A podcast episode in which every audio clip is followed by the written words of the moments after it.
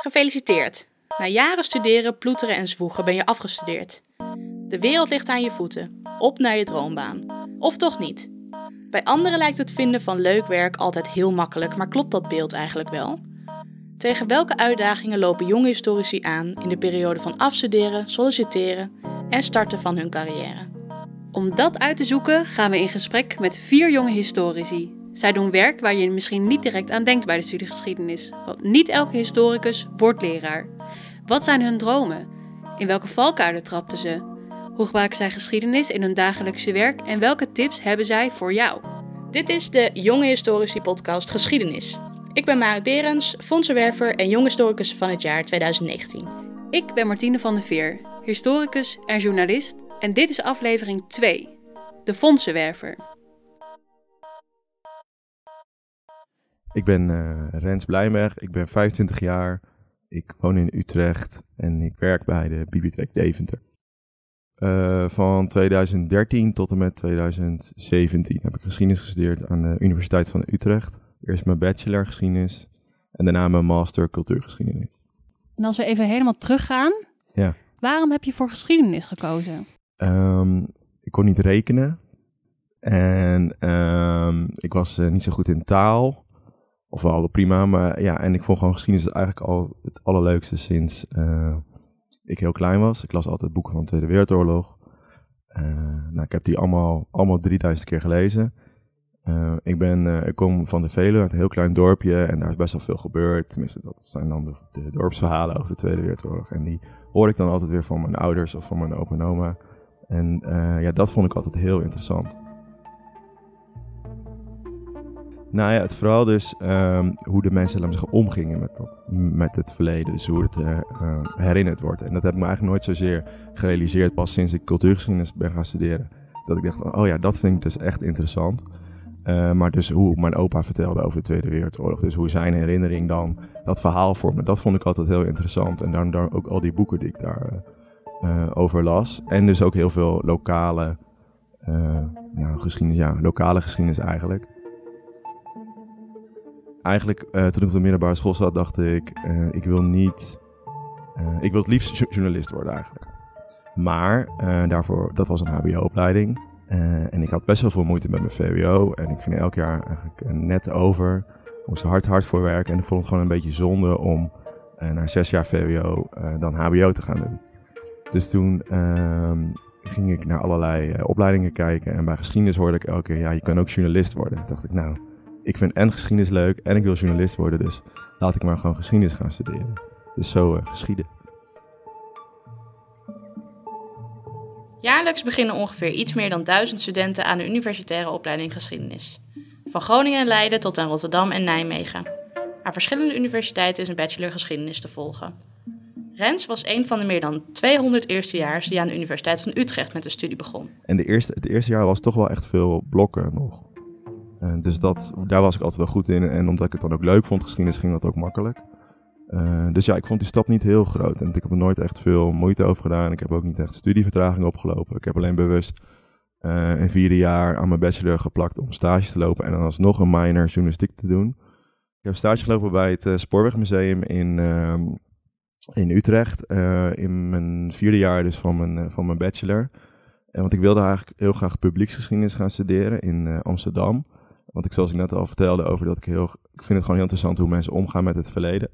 En dat leek me echt de ideale opleiding, want dan kon ik ook nog een stukje journalistiek in kwijt en dat soort dingen. En ik wist eigenlijk toen al van, ik wilde iets doen met tentoonstellingen maken of iemand met geschiedenis bekendmaken voor het grote publiek. Ik dacht, nou ja, het Spoormuseum was lekker dichtbij en ze zochten een stagiair. Uh, en dat was heel leuk en uh, ik mocht daar echt onderzoek doen en het onderzoek een beetje vertalen naar, naar een tentoonstelling die toen gekomen is.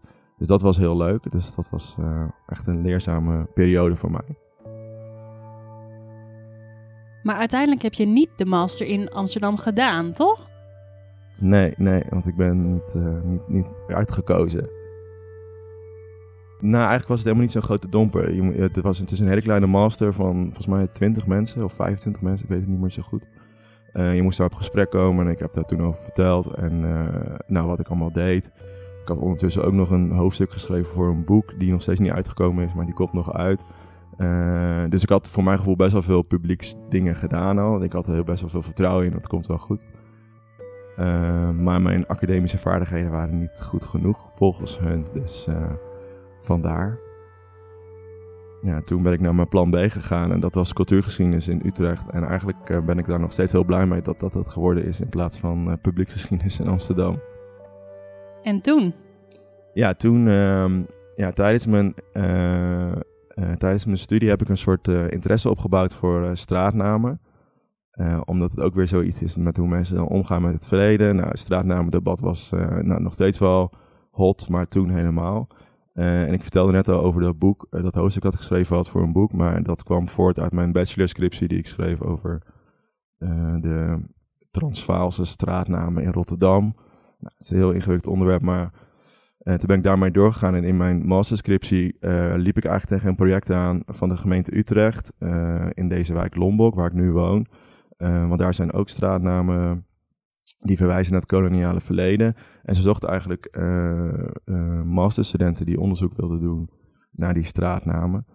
toen ben ik eigenlijk bij het project betrokken gebleven. Dus na mijn studie heb ik dat opgepakt. en ben ik daar verder mee gegaan. Er is nu een website voor en een wandelroute. Uh, en we zouden eigenlijk nog naar uh, een volgende buurt gaan, de Zeeheldenbuurt of Zeevadersbuurt in Utrecht. Uh, maar er was geen geld meer van de gemeente. En toen zeiden ze elke keer van, nou hadden we maar een fondsenwerver. Dan, kon ik misschien, dan konden we misschien het project uitbreiden of op zoek gaan naar alle andere financieringen om dit project voort te zetten. En toen dacht ik van, hé, hey, is dat niet wat voor mij? En ik sprak daar wat mensen over wat het precies inhield. En toen ben ik een traineeship gaan lopen bij Van Doren Advies in uh, Amsterdam. Uh, en via dat ben ik eigenlijk toen uh, zeg dat, aan het werk gezet bij de Bibliotheek Deventer. En daar ben ik gebleven. Want je hoort wel eens dat mensen dan afgestudeerd zijn en dat het best wel lastig is om een baan te vinden. Maar dat klinkt bij jou eigenlijk alsof dat niet zo is gegaan. Um, nee, nee. Het eerste half jaar na mijn, na mijn master ben ik dus heel druk bezig geweest met dat straatnamenproject. En dat was allemaal gratis. Uh, en ik had ook nog mijn bijbaantje, dus dat, uh, dus dat kon ik allemaal wel combineren. Ik had lage huur, dus het ging allemaal goed. Dus ik maakte me er ook niet zoveel zorgen om. En eigenlijk ging dat heel natuurlijk soort van over naar dat uh, Van Door advies. En ik moet wel eerlijk zeggen, het was niet mijn eerste keus. Ik had wel uh, iets van 15 andere sollicitaties gehad in die periode, waar die het allemaal niet geworden zijn. Um, maar ja, toen dacht ik, nou, uh, ik ga er gewoon voor. Ik zie wel wat er gebeurt. Uh, nou, en zo geschieden. Ja, want jij zei dat je geschiedenis bent gaan studeren om journalist te worden. Ja. Dat is dus niet gebeurd. Nee, nee, nee. Die minor, die minor journalistiek die ik gevolgd heb, die heeft wel de neus op de feiten gedrukt of zo. Uh, ik vond het heel fijn om zich een beetje om te leren weer populairder te, te, gaan schrijven in plaats van academisch en sowieso mijn Nederlands weer even bij te schaven. Want dat was toch, uh, uh, toch altijd nog wel moeilijk, die deetjes en teetjes. Dus, ehm, maar ja, ik weet niet, toen, dat, toen ik dat aan het doen was, dacht ik van ja, en ik hoorde zoveel verhalen van die docenten van het is een moeilijke wereld. En dacht ik, nou, waarom moet ik dit wel gaan doen? Heb ik daar wel zin in en hoe moet, hoe moet ik dat gaan beginnen? Volgens mij moet ik iets anders gaan doen. Dus eigenlijk moest je je verwachtingen wel een beetje bijstellen. Ja, zeker. Ja, ja. ja. Ik had natuurlijk een hele mooie, uh, zeg je dat, een heel mooi beeld van een journalist die, uh, uh, die lekker op pad gaat met zijn microfoon en dingen opneemt. En dan s'avonds dat gaat schrijven in een café of zo. Maar dat is natuurlijk allemaal niet waar. Nee. Dus eigenlijk had je echt een soort pad voor jezelf bedacht toen je begon. Ja. En dat liep heel anders. Ja, ja, want ik had nooit verwacht dat ik fondsenwerf zou worden. Want ik zei net al, ik zei in het begin al dat ik heel slecht was in rekenen. Uh, en als fondsenwerver moet je toch elke dag wel een begroting opstellen. Dat went wel vanzelf en dat leer je zelf wel ook aan. Uh, maar ik moet ook wel zeggen, ik ben een jaar fondsenwerver nu geweest, fulltime. Uh, en inmiddels ben ik nu 20 uur nog fondsenwerver en 18 uur programmamaker heet dat bij ons. En dat vind ik wel heel leuk, die combinatie. En had je het gevoel dat je als historicus goed in de arbeidsmarkt lag toen je afgestudeerd was? Um, nou ja, op zich wel. Denk ik, je hebt toch wel bepaalde, uh, bepaalde vaardigheden waar veel om gevraagd wordt. Alleen, uh, hè, wij hoorden ook alle verhalen over, ja, je kan lekker bij de Belastingdienst gaan werken, want ja, jullie zijn zo goed om alle dossiers uit te spitten en zo. En jullie kunnen alles heel snel samenvatten en snel doorlezen. Maar ja, daar heb je toch niet altijd zin in, lijkt mij. Uh, dus dat werd wel heel veel verteld. En zoals ik al zei, ik wilde het liefst uh, iets met in een museum doen, tentoonstellingen maken.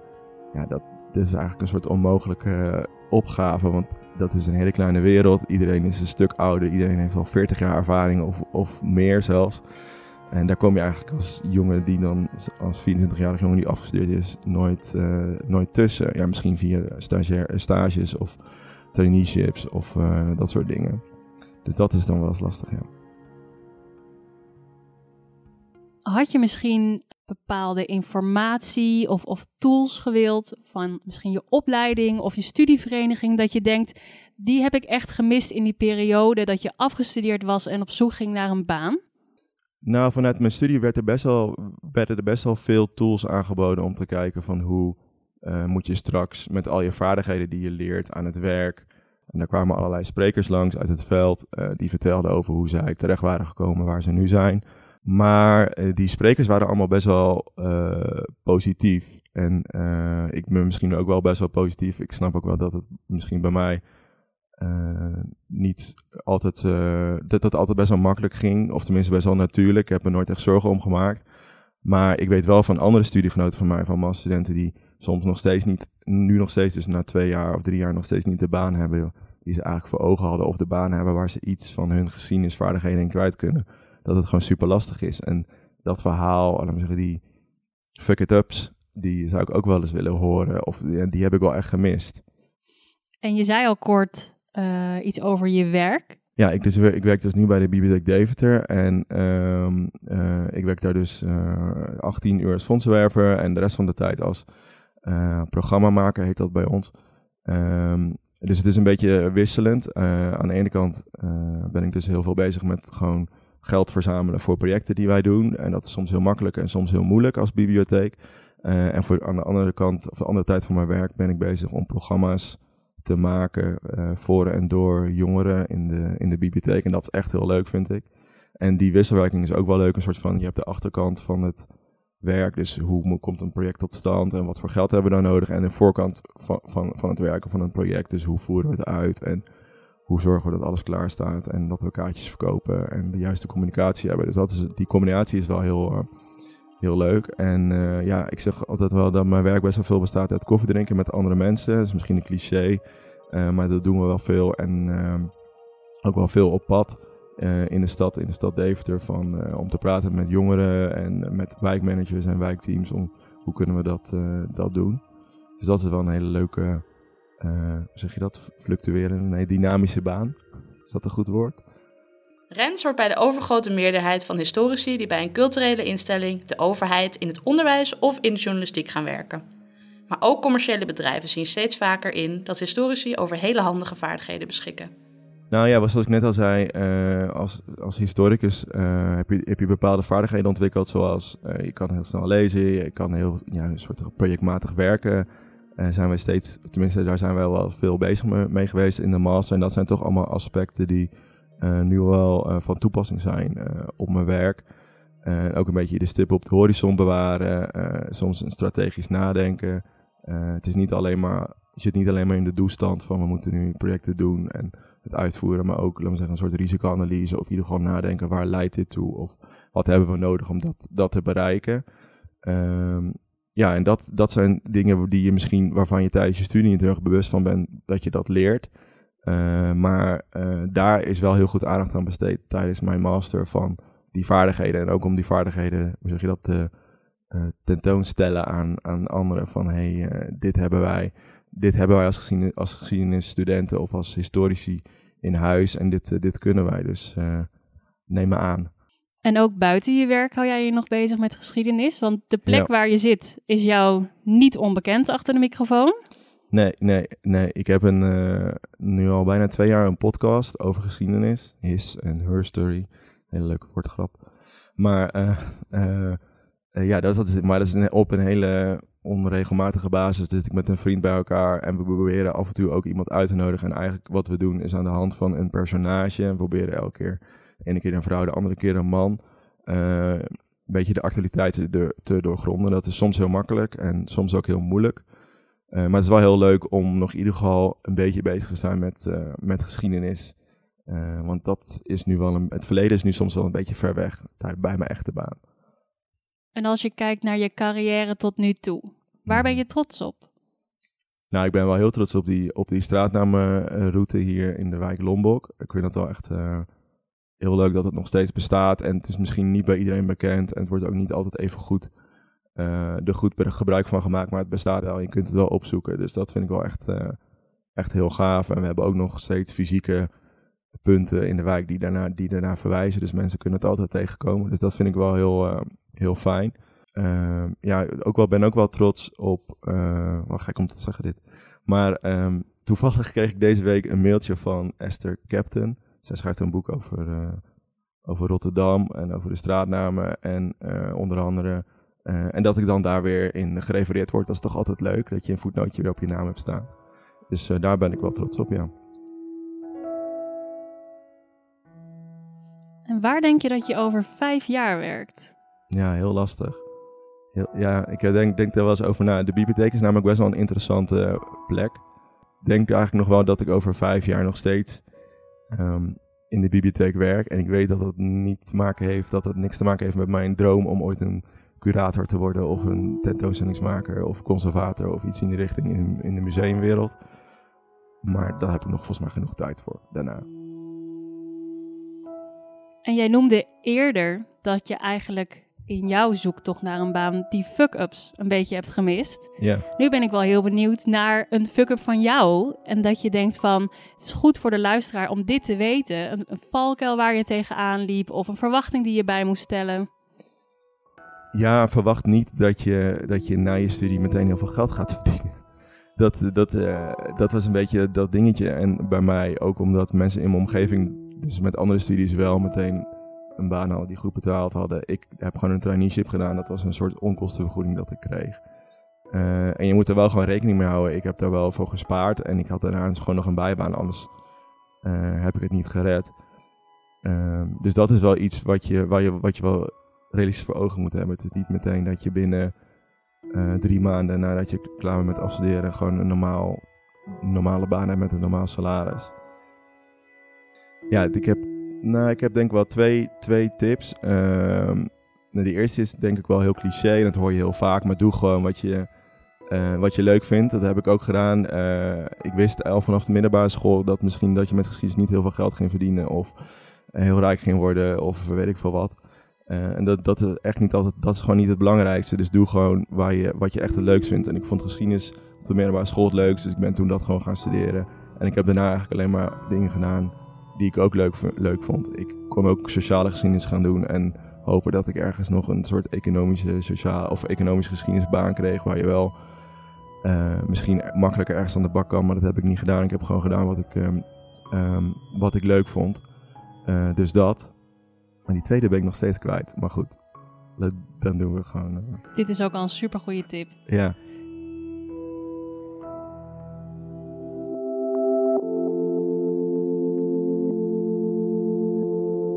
Je luisterde naar de Jonge Historici podcast Geschiedenis. Vind je dit een leuke podcast? Abonneer je dan, want er komen nog meer afleveringen. En laat de recensie achter.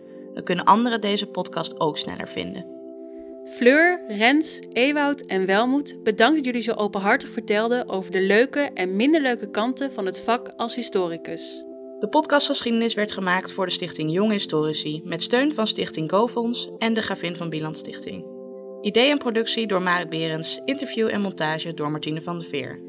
Zit je naar deze aflevering met vragen over het zoeken van een baan of over het werk als historicus? Kijk dan op de website van Jonge Historici www.jhsg.nl. In de volgende aflevering. Ja, toen moest ik inderdaad op zoek naar een baan. En dat was nog wel een lastige. Um, dus toen ben ik zelf ook gaan solliciteren. En dat was toch wel redelijk pittig. Want ik merkte dat het na 2,5 maand de motivatie wel een beetje weg begon te vloeien.